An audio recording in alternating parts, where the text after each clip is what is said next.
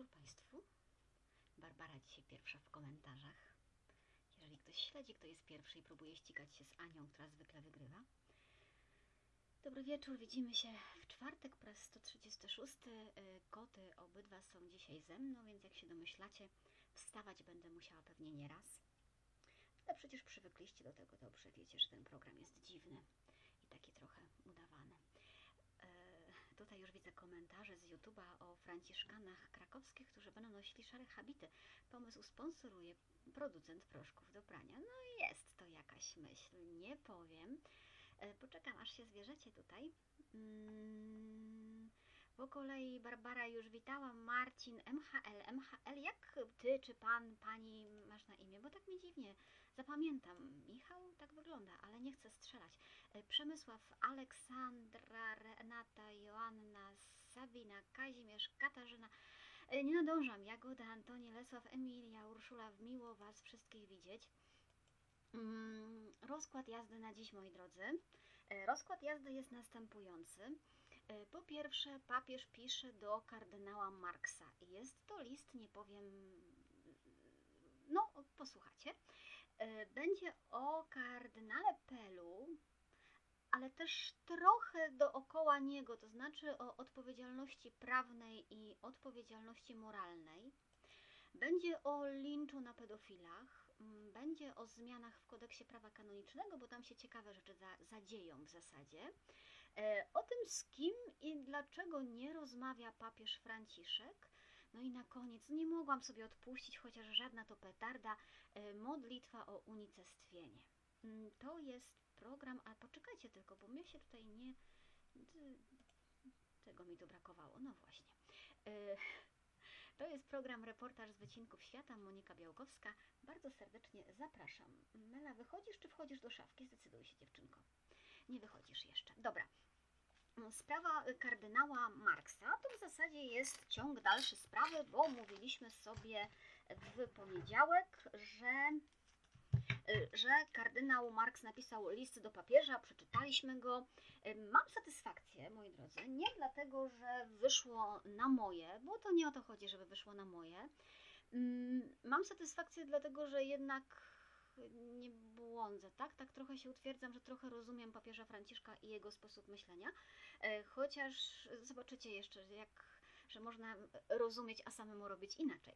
E, Dlatego, że papież Franciszek rzeczywiście rezygnacji kardynała Marksa nie przyjął i napisał do kardynała długi list. E, Całego go nie będziemy czytać, chociaż powiem Wam, że on jest taki, że, że warto. E, Papież dziękuję kardynałowi po pierwsze za taką chrześcijańską odwagę, która się nie boi krzyża, która się nie boi uniżenia w rzeczywistości grzechu. Pisze i przyznaje, że nie tylko Marks, y, nie tylko Kościół w Niemczech, y, ale cały Kościół jest w kryzysie. I pisze, Ania się spóźniła aż trzy minuty, i pisze papież, to jest dla mnie ważny moment pełnienia posługi Piotra. Takie braterskie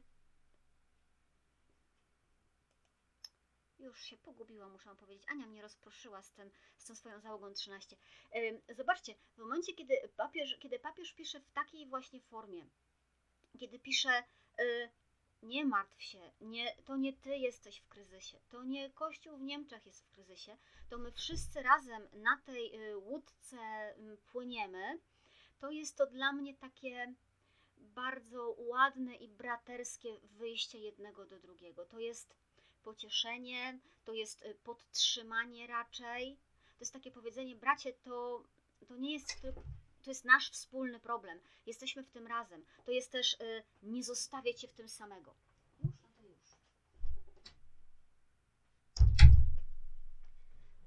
Mela zaczęła wychodzić na spacerki i się taka żywotna bardziej zrobiła.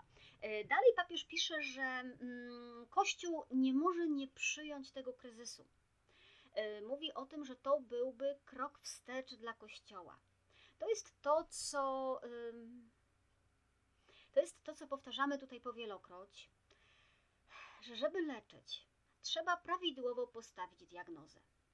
Y, Panie wiedzą, jak często zdarza się nam, że y, nasze samobadanie piersi w profilaktyce nowotworowej często jest nieskuteczne.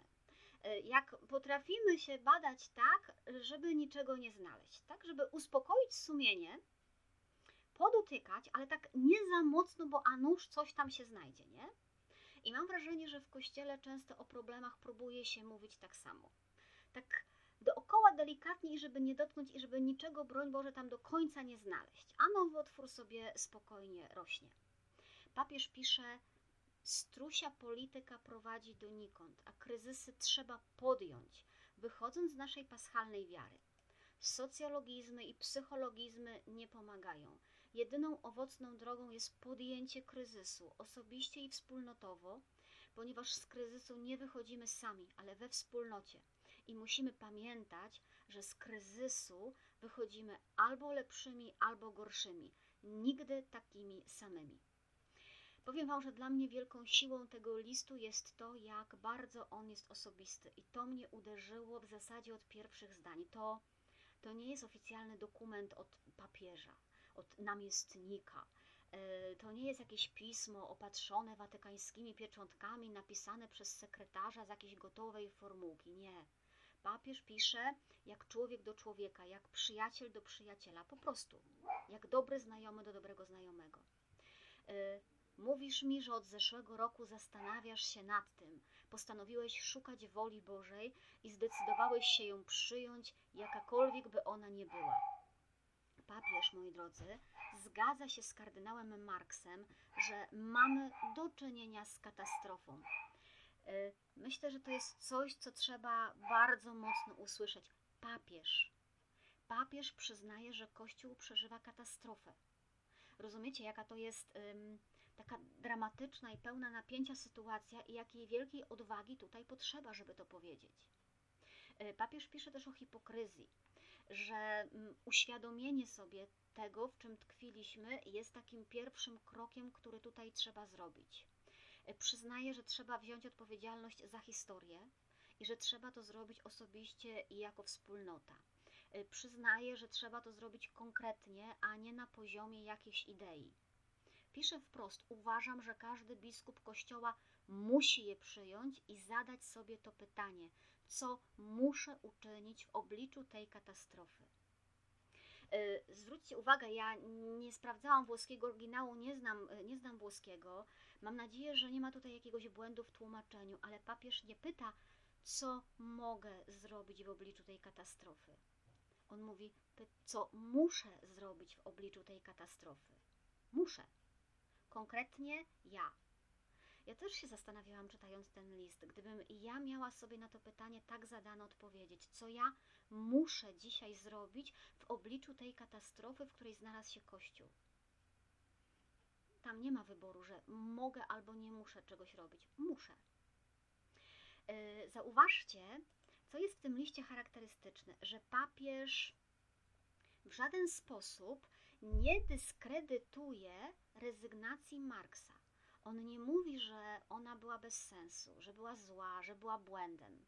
Przeciwnie, jakby utwierdza go w tym przez cały list. Mówi, że reforma nie wymaga słów, ale postaw. Postaw tych, którzy mają odwagę stawić czoło kryzysowi i przyjąć rzeczywistość, bez względu na konsekwencje.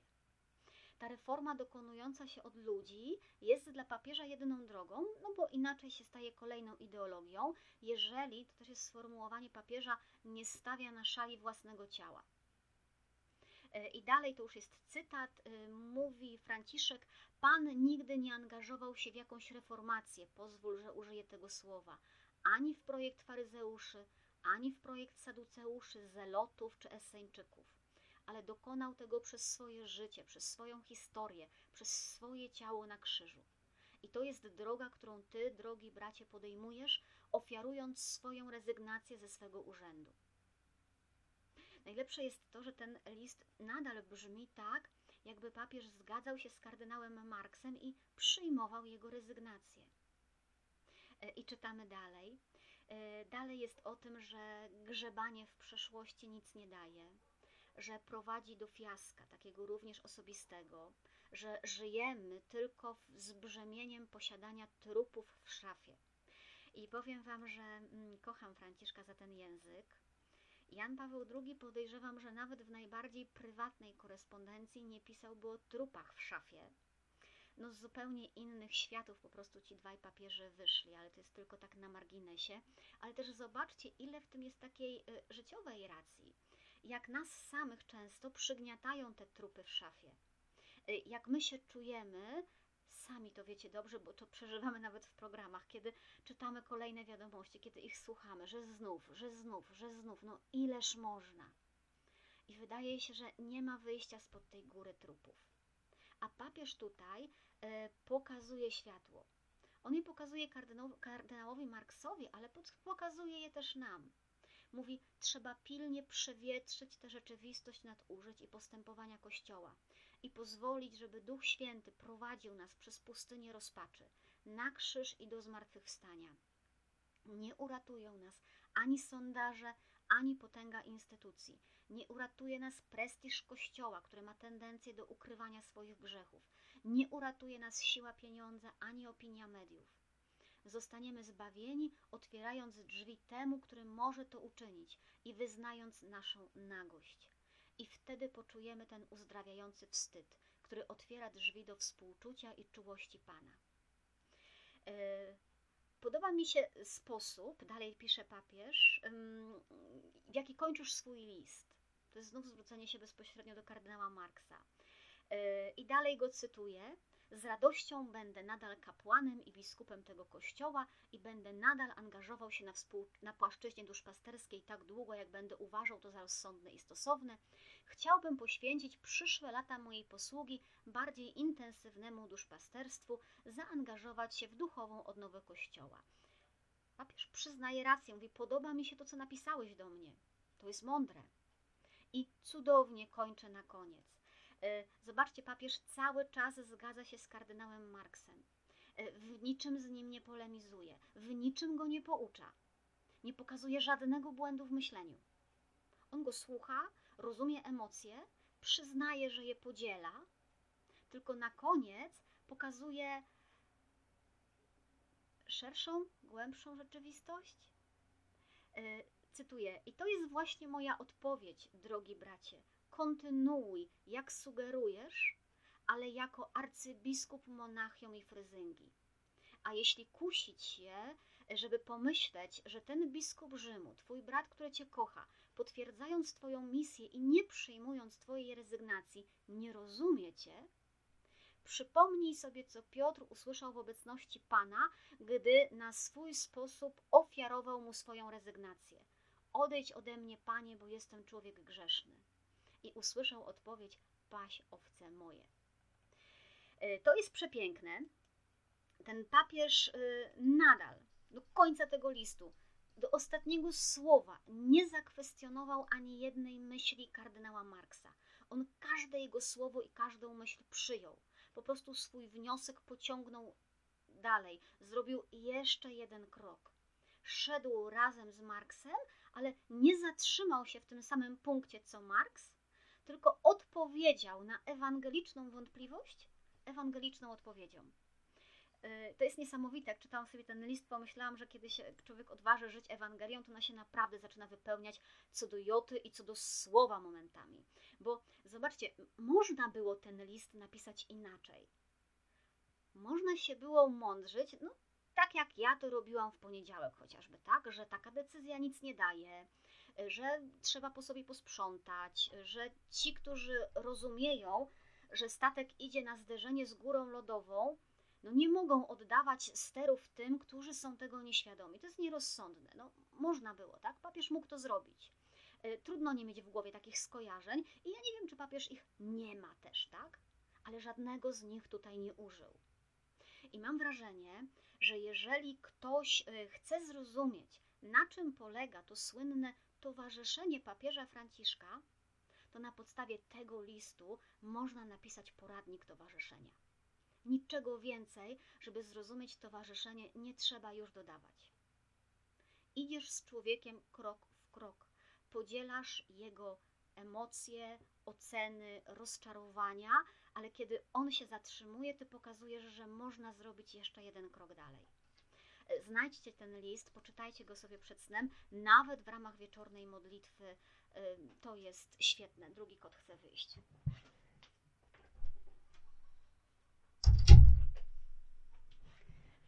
Przecież program bez kotów byłby nudny. Mm, Jednocześnie słuchajcie, taki y, serdeczny i ewangeliczny jednak list papieża wcale nie oznacza jego bezczynności. I nie oznacza wcale czekania, aż wszyscy niemieccy biskupi teraz się nawrócą. Y, Kto szuka drogi nawrócenia, y, no to z tym rozmawia się o Bogu. A jeżeli ktoś uparcie tkwi w popełnianiu przestępstw, no tam się mówi wprost o przestępstwie. E, I dlatego do mm, kolonii e, 7 czerwca przyjechali dwaj wizytatorzy apostolscy, którzy na polecenie papieża Franciszka przeprowadzili kontrolę, czy mają przeprowadzić kontrolę w tamtejszej archidiecezji. E, Wizytatorzy nie są Niemcami, to jest kardynał ze Sztokholmu i biskup van den Hende z Rotterdamu i oni mają tam na miejscu sprawdzić, jak wygląda sytuacja duszpasterska w diecezji kolonii. Ja przypomnę, że to jest to miejsce, o którym mówiliśmy, gdzie, y, gdzie jest ogromny wzrost, między innymi ogromny wzrost aktów apostazji do tego stopnia, że, że urzędy musiały wydłużyć godziny pracy.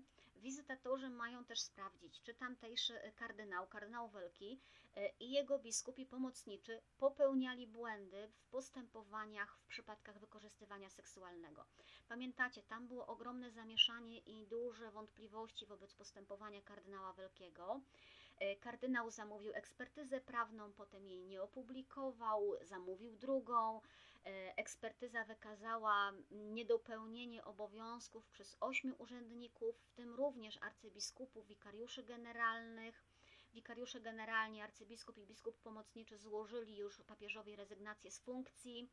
E, Zarzuty niedopełnienia obowiązków stawiane są również zmarłym kardynałom. E, W raporcie winy samego kardynała Wielkiego się nie, nie stwierdza. Papież tutaj zdecydował, że bałagan jest za duży, że zbyt wiele osób na miejscu jest zainteresowanych sprawą i być może zaangażowanych w sprawę, Y, Więc, żeby dotrzeć do prawdy, trzeba tej sytuacji przyjrzeć się nieco z boku. No, zobaczymy, jakie będą efekty. Joanna pyta, co trzeba zrobić, żeby tacy wizytatorzy do nas przyjechali. Ja bym najpierw poczekała na ad limina i zobaczyła, co będzie dalej. Mm, Trochę dzisiaj zagranicznie zaczynamy, ale to nic nie szkodzi i nie zaszkodzi nam od czasu do czasu zmienić perspektywę. Skoro jesteśmy przy kryzysie kościoła, skoro jesteśmy przy problemie pedofilii, mm, to zajrzyjmy do Australii. Mm, Do Australii, dlatego że wywiadu Radiu Watykańskiemu udzielił kardynał Pell, który niegdyś był prefektem sekretariatu do spraw gospodarki, potem został oskarżony o molestowanie nieletnich chłopców. E, Kiedy to oskarżenie padło, kardynał zresztą za radą papieża wrócił do Australii, żeby tam stanąć przed sądem. E, Pierwsza rada, e, ława przysięgłych nie była w stanie wydać jednomyślnego wyroku. E, Sędzia po miesiącu przerwał proces, powołał nowych przysięgłych, no i wtedy zapadł wyrok. Kardynał Pell został skazany na 6 lat więzienia.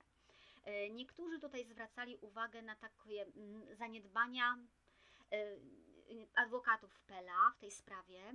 Całe oskarżenie było oparte na zeznaniu ofiary 31-letniego mężczyzny. Ten mężczyzna mówił, że było ich dwóch pokrzywdzonych, ten drugi nie żyje.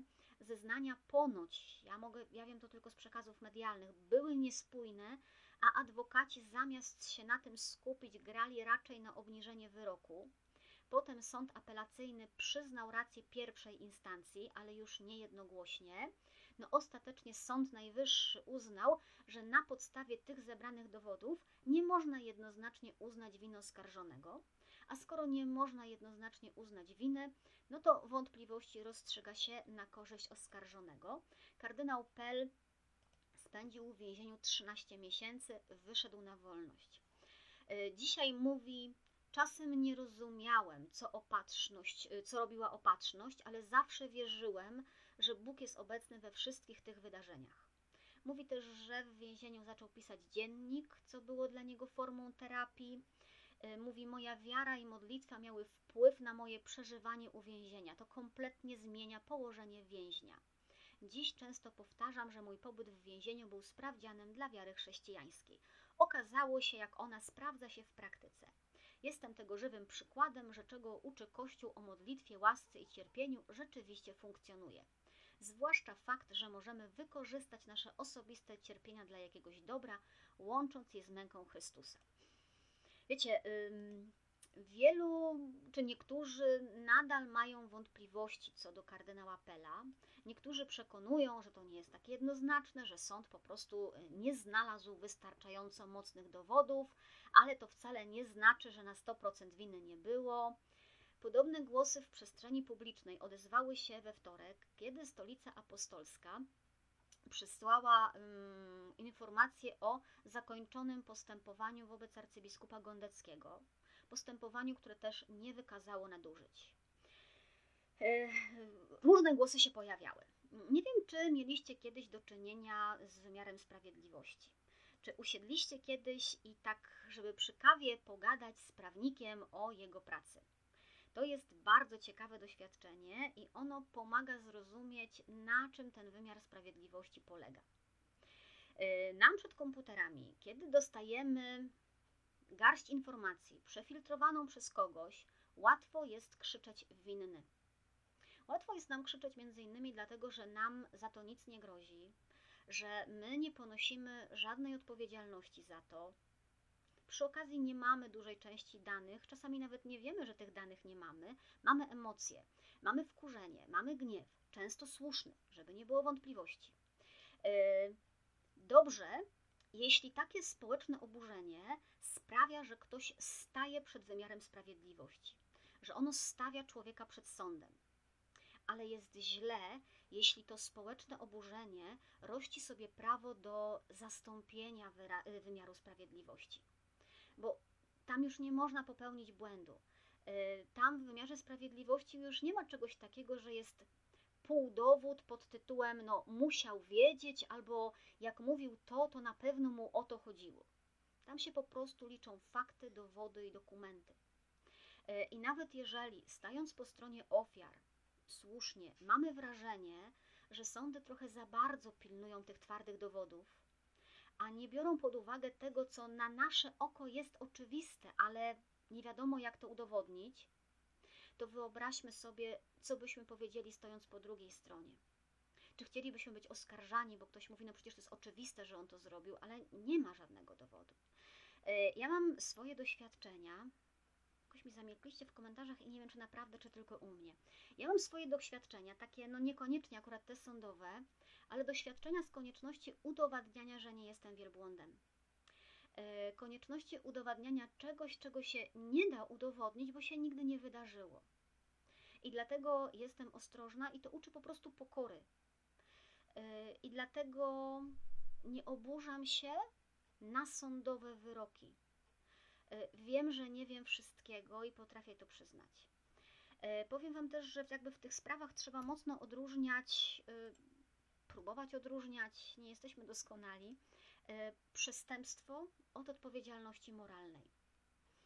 Mm, bo sąd może karać za przestępstwa.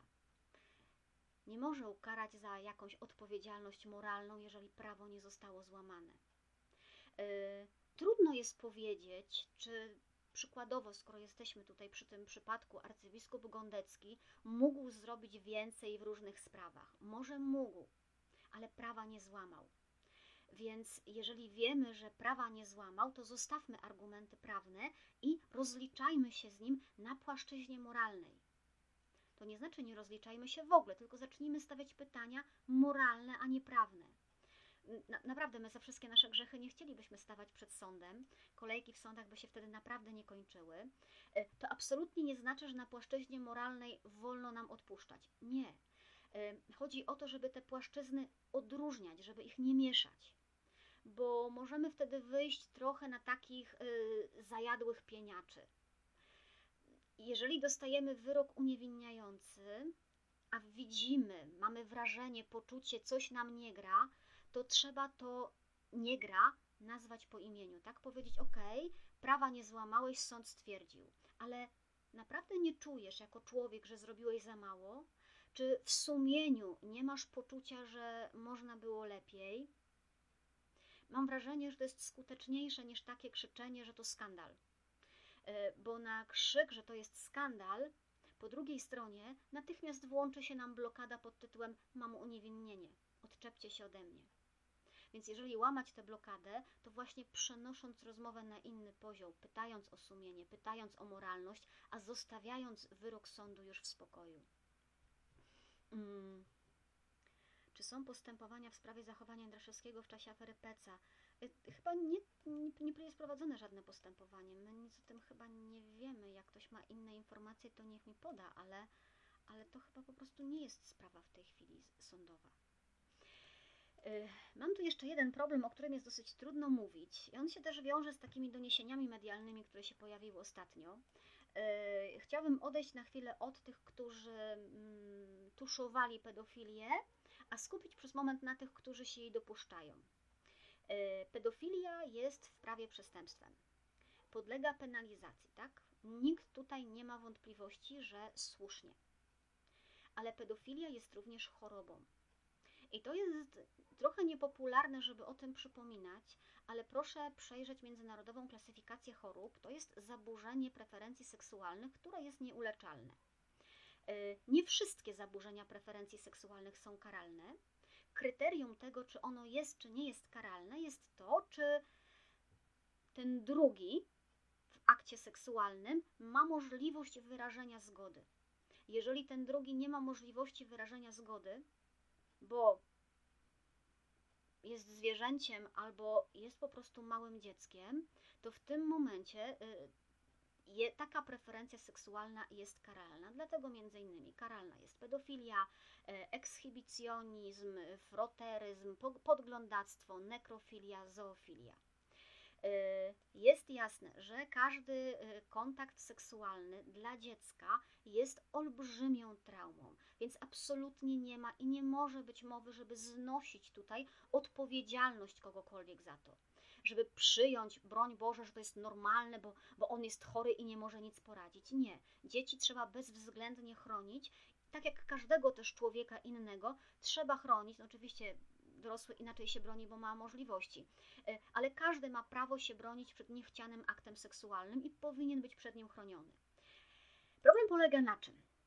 Problem, kochani, polega na tym, że więzienie ani żadne ukaranie preferencji pedofila nie zmieni. Ono go nie wyleczy.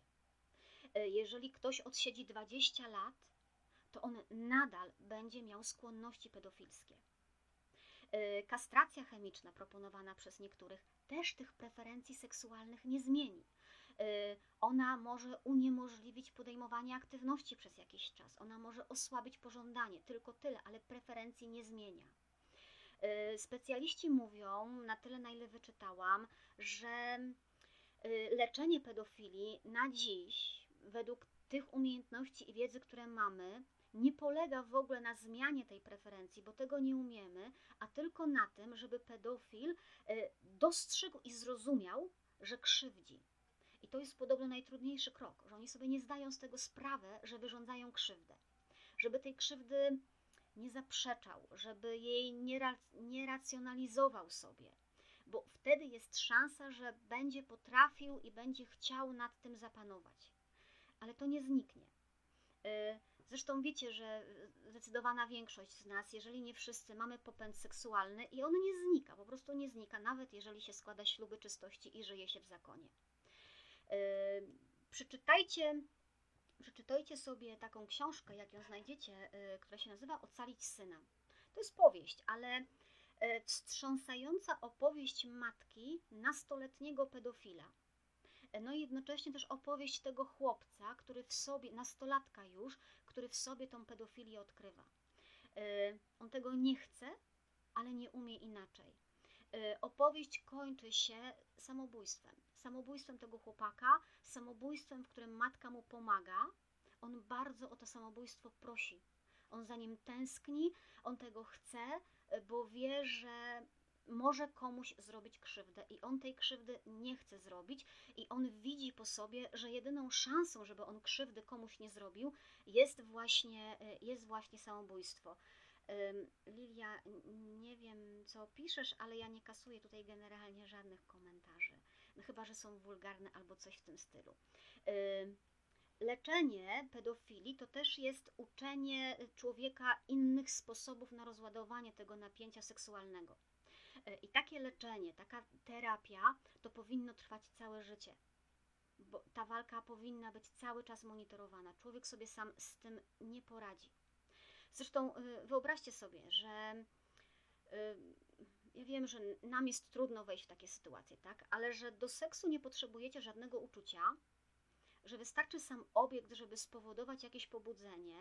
I wyobraźcie sobie, że wiecie, że nigdy przenigdy nie możecie tego pobudzenia rozładować, że to zostanie do końca życia, że cały świat was za to nienawidzi, że wami gardzi, a wy nie chcecie tego robić, ale to w was siedzi. Mm, I ta aktywność, która dla całego świata, aktywność seksualna, która dla całego świata jest naturalna, dobra i piękna, w waszym przypadku y, zaprowadzi was wyłącznie do więzienia. Y, próbuję myśleć jak ten człowiek i myślę, że oni też mogą y, krzyczeć z rozpaczy, dlaczego właśnie ja, tak? Dlaczego to na mnie musiało trafić. Y, Lilia, ja nie skasowałam, może YouTube skasował, to jest właśnie urok YouTube'a. Ja jakby prowadząc program w ogóle nie mam takiej możliwości, mogę ewentualnie po.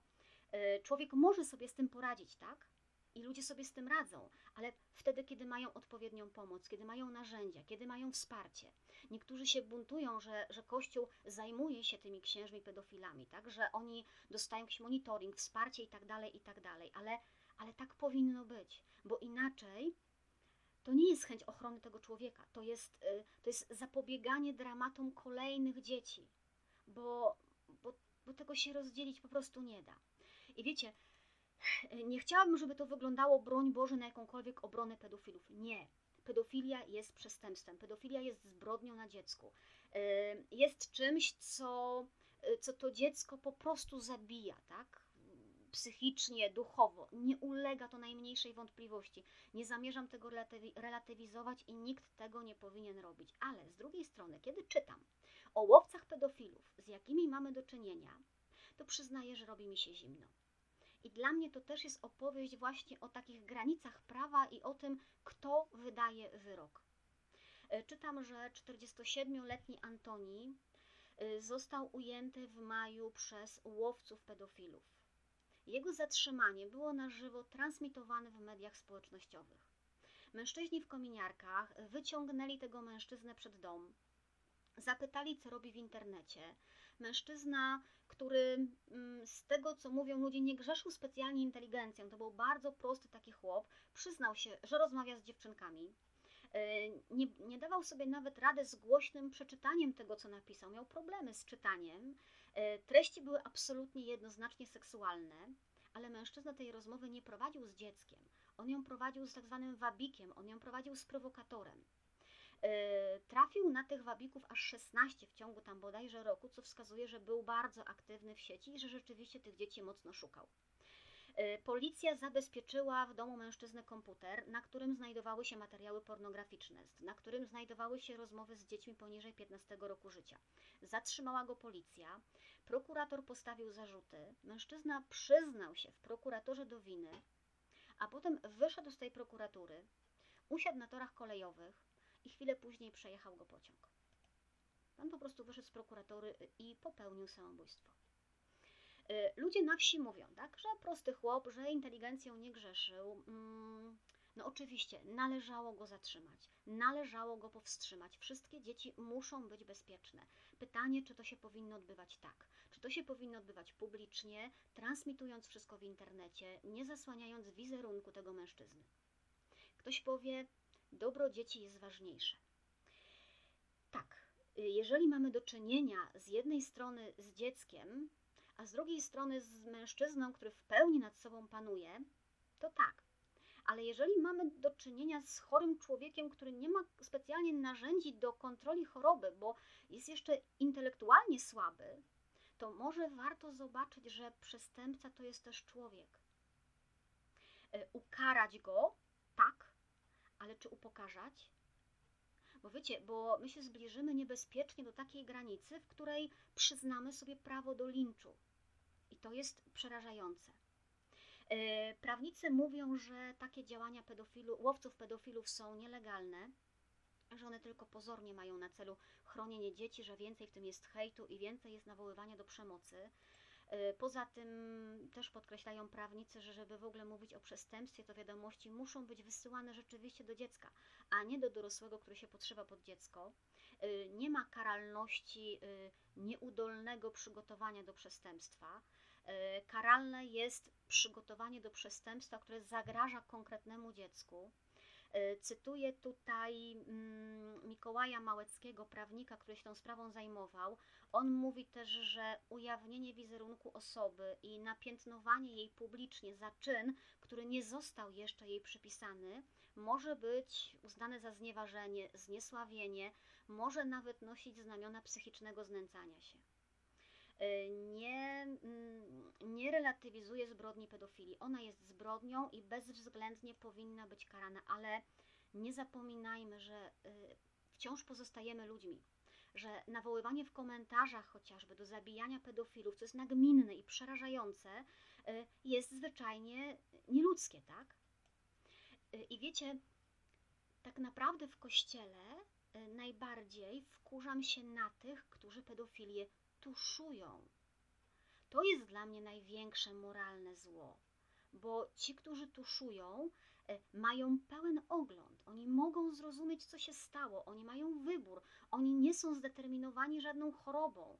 Oni nie walczą z żadną swoją ani chorobą, ani z jakąś nielegalną skłonnością, tak? Yy, oni spotykając wśród swoich podwładnych pedofila, powinni myśleć i decydować trochę podwójnie za siebie i za niego. Nie powinni zostawiać mu przestrzeni wolności, wiedząc, że ta jego wolność jest chora i może przynieść tragedię dzieciom, jemu samemu przy okazji też. E, każdy pedofil jest odpowiedzialny za zło wyrządzone dziecku, nie ma wątpliwości. Ale każdy ukrywający pedofila jest odpowiedzialny za zbrodnię wyrządzoną dziecku, i za ewentualną krzywdę, która się stanie temu człowiekowi, który jest pedofilem. Są odpowiedzialni za to, że on nie dostał pomocy, że został z tym swoim przestępczym zaburzeniem yy, sam. Y, przestępstwa trzeba piętnować, trzeba chronić dzieci, y, uważajmy z linczem. Przypomnijcie sobie zresztą nasze rozmowy, zresztą można je znaleźć na, na YouTubie. Y, rozmowy z Robertem Fidurą, rozmowy z, rozmowy z Jakubem Pankowiakiem. Oni, oni są skrzywdzeni, oni najlepiej wiedzą o czym mówią. I oni sami mówią, że chodzi o sprawiedliwość, a nie o lincz, że wcale im na tym, wcale im na tym nie, nie zależy. Dobra, mm, muszę łyka po herbatę. Bo się. Katarzyna pisze, że do, od wymierzania kary są sądy. Od wymierzania kary są sądy, ale też pamiętajmy, że od wymierzania kary nie są lincze i nie są też y, to, co się czasem dzieje w komentarzach. To, to, co się nas wylewa, to ja się dziwię, że jest tyle, że jest tyle zła w ludziach, wiecie. Prawa i pedofilii dotyczą też zmiany, jakie zostały wprowadzone w kodeksie prawa kanonicznego. Papież Franciszek poprawia tutaj pewne błędy, niedociągnięcia, które były popełnione przez Jana Pawła II. Jeżeli nazwać błędem, yy, zaufanie po prostu i scedowanie oceny niektórych wydarzeń na biskupów miejsca. Papież Franciszek mówi nie, nie będziemy niczego cedować, zdecydujmy, określmy to e, precyzyjnie. E, nowe przepisy wejdą w życie 8 grudnia. Normy karne zostały, słuchajcie, uszczegółowione. Ci, którzy mają te kary nakładać, otrzymali bardzo precyzyjne kryteria, otrzymują wskazówki, jak, czym się mają kierować, oceniając konkretne sytuacje. Przestaje to być uznaniowe. E, doprecyzowane są też niektóre przestępstwa, które w poprzednim KPK były zebrane w taką e, jedną grupę. To, co jest ważne, mm, kary mają być widoczne dla wspólnoty, a nie tylko teoretyczne.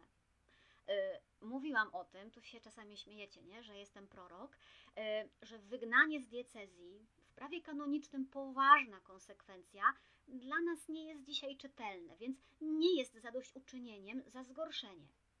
Y, teraz, mm, po pierwsze, nie można zwolnić z kary kogoś, sprawcy, który nie naprawi wyrządzonej szkody. Y, oprócz, mm, tak dokładnie o tej grupie mówiłam, to są takie już podrzuciłam Wam komentarz. O co chodzi z tymi łowcami pedofilów? Użyłam rzeczywiście skrótu. Oprócz tego, że ordynariusz może karać naganą albo jakimś nakazem karnym, może też stosować nowe narzędzie wprowadzone do KPK, e, czyli nadzór. To jest szczególnie ważne właśnie w przypadku pedofilów, mówiliśmy o tym wcześniej, że, taki, że ktoś, kto e, miał tutaj jakiekolwiek symptomy tego, mm, to może dostać nadzór od arcybiskupa i być na bieżąco kontrolowany. E, nową karą, jaką kodeks prawa kanonicznego wprowadza, jest chociażby kara grzywny.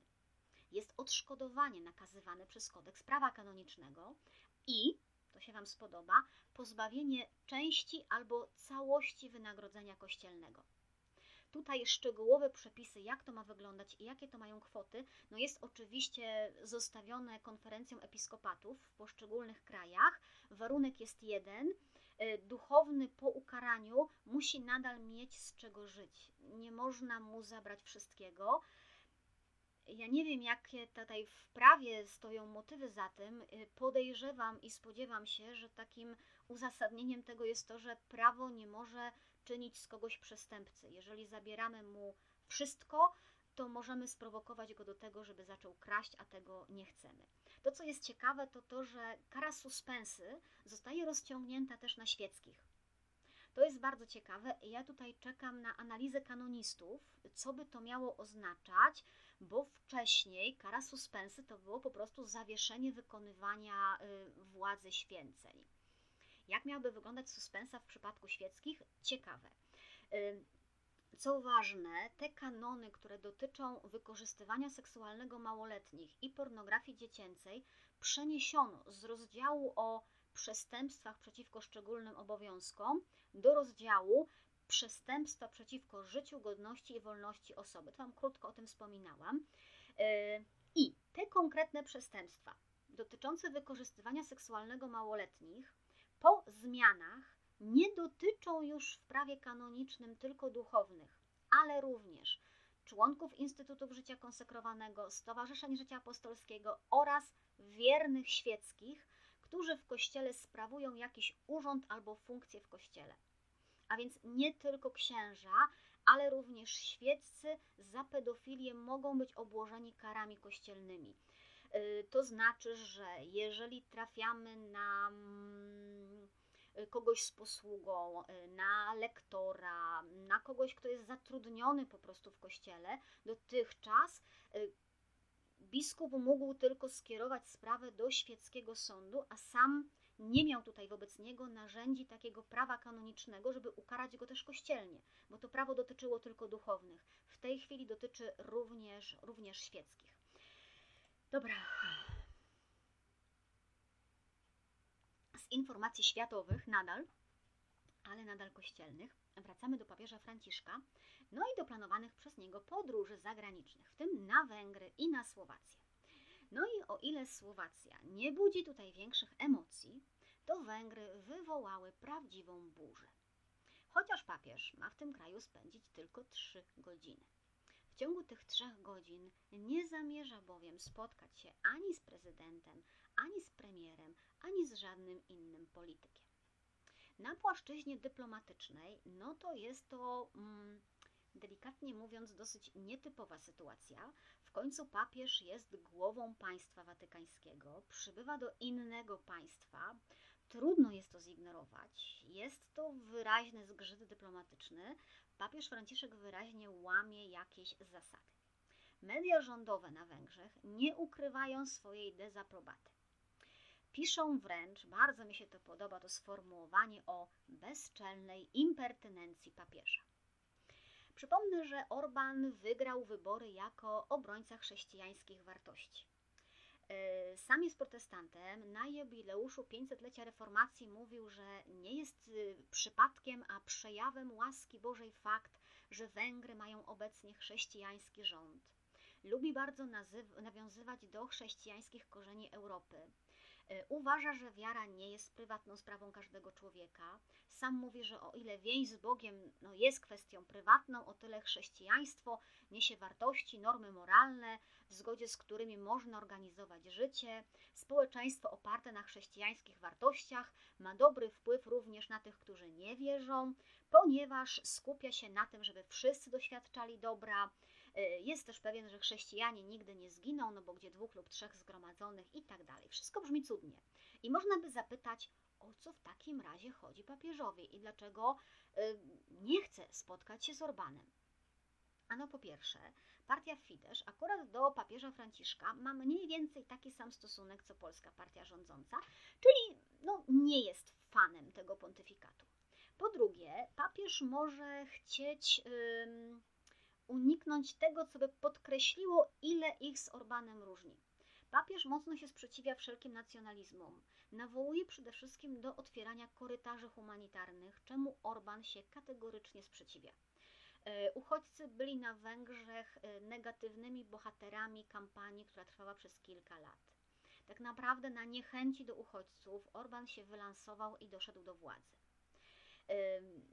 Orban, rozumiecie sytuację, nie? Bo Orban i Węgry e, kreują się trochę na takich, którzy chcą ocalać chrześcijańską Europę, a tymczasem papież nie chce się spotkać z żadnym przedstawicielem władzy. To jest policzek, i bardzo jednoznaczny sygnał. Z drugiej strony, to co nas tutaj interesuje, mm, to bardzo jednoznaczna deklaracja papieża Franciszka, y, że nie chodzi mu o to, żeby się poklepywać po plecach i uśmiechać do zdjęć. Że to nie jest Ewangelia. Że nie chodzi o to, żeby ktoś na papieżu zrobił sobie kolejną wizerunkową kampanię. To nie jest Ewangelia jeżeli ktoś żyje Ewangelią, to po prostu nią żyje i to widać, a nie tylko o tym mówi, a robi wręcz przeciwnie. E, ograniczanie praw obywatelskich, odrzucenie najuboższych, odrzucenie tych najbiedniejszych, odrzucenie tych, którzy szukają schronienia, ale w bardzo kontrolowanych warunkach korytarzy humanitarnych, no to nie jest życie Ewangelią, tak? I nie chodzi o to, czy papież kogoś e, z rządzących potępia albo odrzuca, ja mam wrażenie, że chodzi raczej o to, że papież nie chce się pod tym podpisać, że nie chce dać się wciągnąć w jakąś propagandową grę. E, tym bardziej, że y, po wakacjach wybory na Węgrzech, więc y, nic dziwnego, że no władza teraz nie przebiera w środkach. Prorządowe media rzeczywiście rzuciły się do walki w obronie Orbana tak jak mówiłam, bezczelna impertynencja to jest jedno, y, że skandal, że będzie w Budapeszcie tylko 3 godziny, a na Słowacji aż 3 dni. Jeden z dziennikarzy węgierskich ogłosił nawet, że papież nie potrafi wypełniać swojego obowiązku, proszę Państwa, jakim jest spotkanie z władzami państwowymi, i wezwał rząd, żeby kazał papieżowi trzymać się z daleka od Węgier. Są też oczywiście głosy, że zachowanie papieża jest niechrześcijańskie. Myślę, że się papież do tego przyzwyczaił i że to papież Benedykt jest prawowitym papieżem. Swoją drogą y, proszę sobie wyobrazić, czy taka dyskusja i takie inwektywy w ogóle byłyby do pomyślenia w świecie jeszcze niedawno, za czasów Jana Pawła II. Y, doprawdy mam wrażenie, że żyjemy w ciekawych czasach, czy to dobrze, czy źle.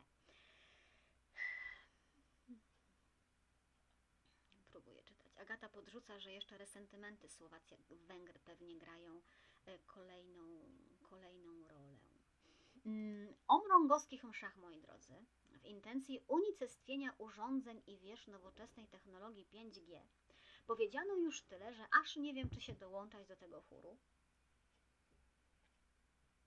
Tym bardziej, że kuria w Olsztynie rzeczywiście zareagowała dość szybko proboszczowi zwrócono uwagę, że takich intencji nie powinno się przyjmować. Ksiądz proboszcz tłumaczy, że msze zamówili prywatni ludzie z Mrągowa, no i że te intencje, cytuję, zostały trochę opacznie zrozumiane, źle napisane. Nie chodziło o samą technologię, ale o zagrożenia, jakie ona ze sobą niesie. Bo według księdza hmm, każda technologia niesie ze sobą zło. No nie, proszę księdza, jeżeli ksiądz nas słucha, nie.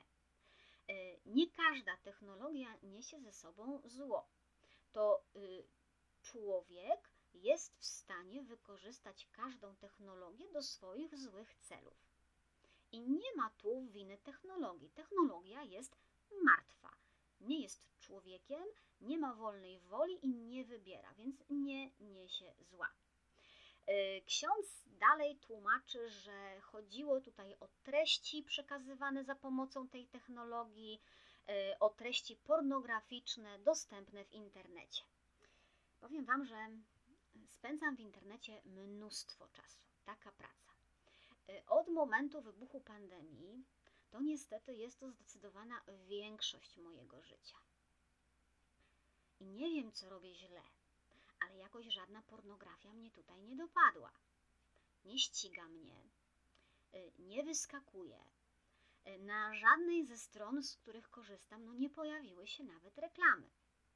Ja nie wiem, czy księża z jakiegoś innego internetu korzystają, y, skoro tam wszędzie na nich biednych czyha ta pornografia.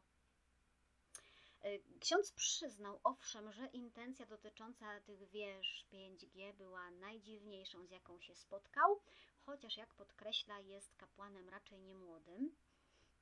Wiecie, y, jest taki pogląd, który się nazywa fideizmem.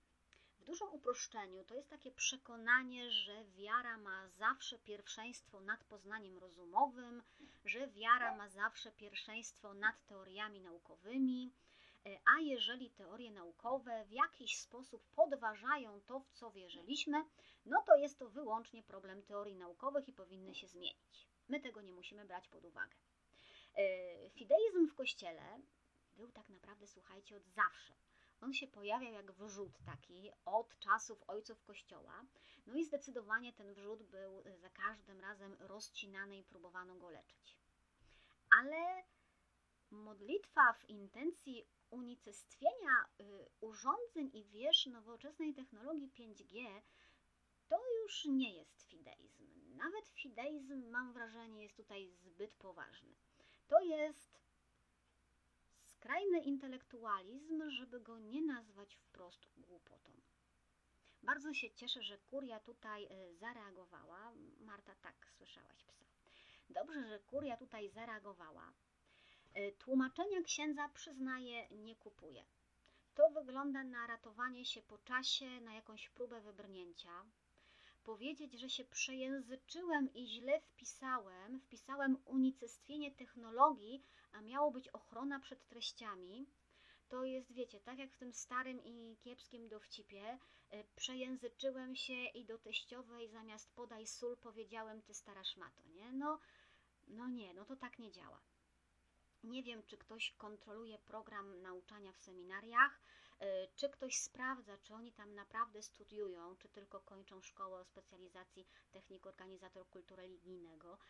Nie wiem, chciałam optymistycznie zakończyć, ale temat jeszcze jeden mi się wiąże. Mm, Ksiądz Piotr Kot, y, rektor seminarium duchownego diecezji legnickiej, legnickiej która, który jest jednocześnie, długa nazwa, przewodniczącym konferencji rektorów wyższych seminariów duchownych, w rozmowie Sky mówił o tym, że obecnie największym problemem kandydatów do seminariów to jest taka niedojrzałość w sferze psychoemocjonalnej i destrukcyjny wpływ seksualizacji młodzieży. Mówi, że trzeba o tym mówić głośno, że rodzina, szkoła muszą więcej wysiłku włożyć w wychowanie, yy, bo stracimy kolejne pokolenia. Trzeba, mówi, z całych sił dążyć do tego, żeby młodzi ludzie mieli żywą relację z Jezusem i Ewangelią.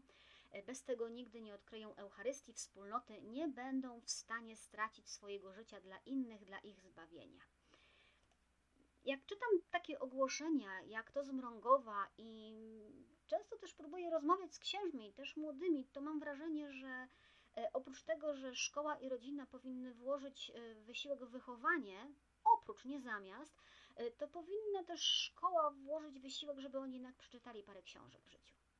Po prostu. Bo ta dojrzałość intelektualna zdaje się też mocno, też mocno mm, szwankuje tak, tak, ja wiem, że ludzie wierzą w to, że, mm, że 5G wywołuje raka. No, badań na to nie ma. A mity to różne po świecie krążyły, co można czym leczyć, co na co szkodzi. Y, Umówmy się, i mnie zawsze fascynują takie historie z przeszłości.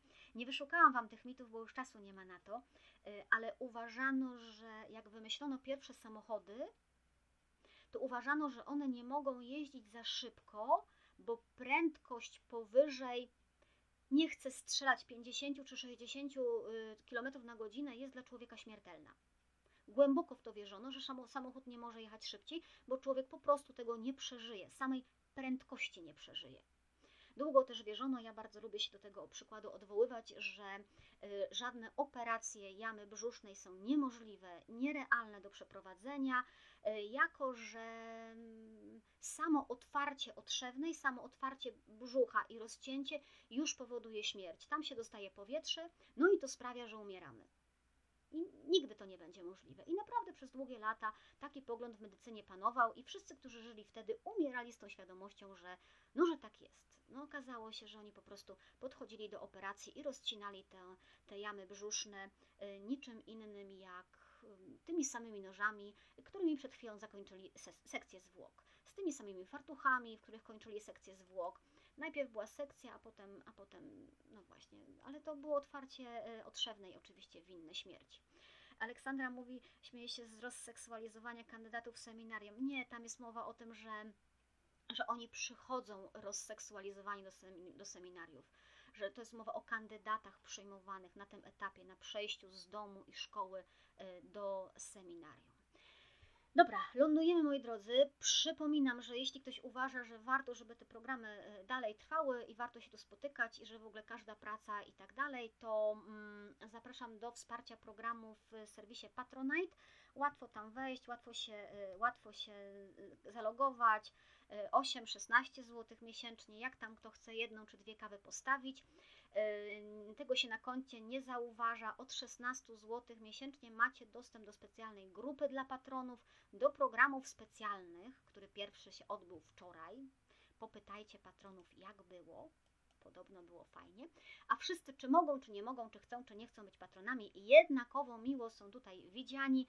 Yy, Lajkujemy, udostępniamy, subskrybujemy kanał na YouTubie, bo to też pomaga się rozejść temu programowi. Już rozpraszacie mnie. Aleksandra mówi, że z porządnych katolickich rodzin tylko idą do seminarium. Ze świata idą, tak jak wszędzie, słuchajcie. Taki świat jest. Dobra, a my się żegnamy. Życzę Wam dobrego piątku. Piątki ludzie lubią bardziej niż poniedziałki. Dobrego weekendu, a my spotykamy się jak zwykle w poniedziałek o 21.15. To był program Reportaż z wycinków świata. Monika Białkowska. Dobrej nocy Wam życzę.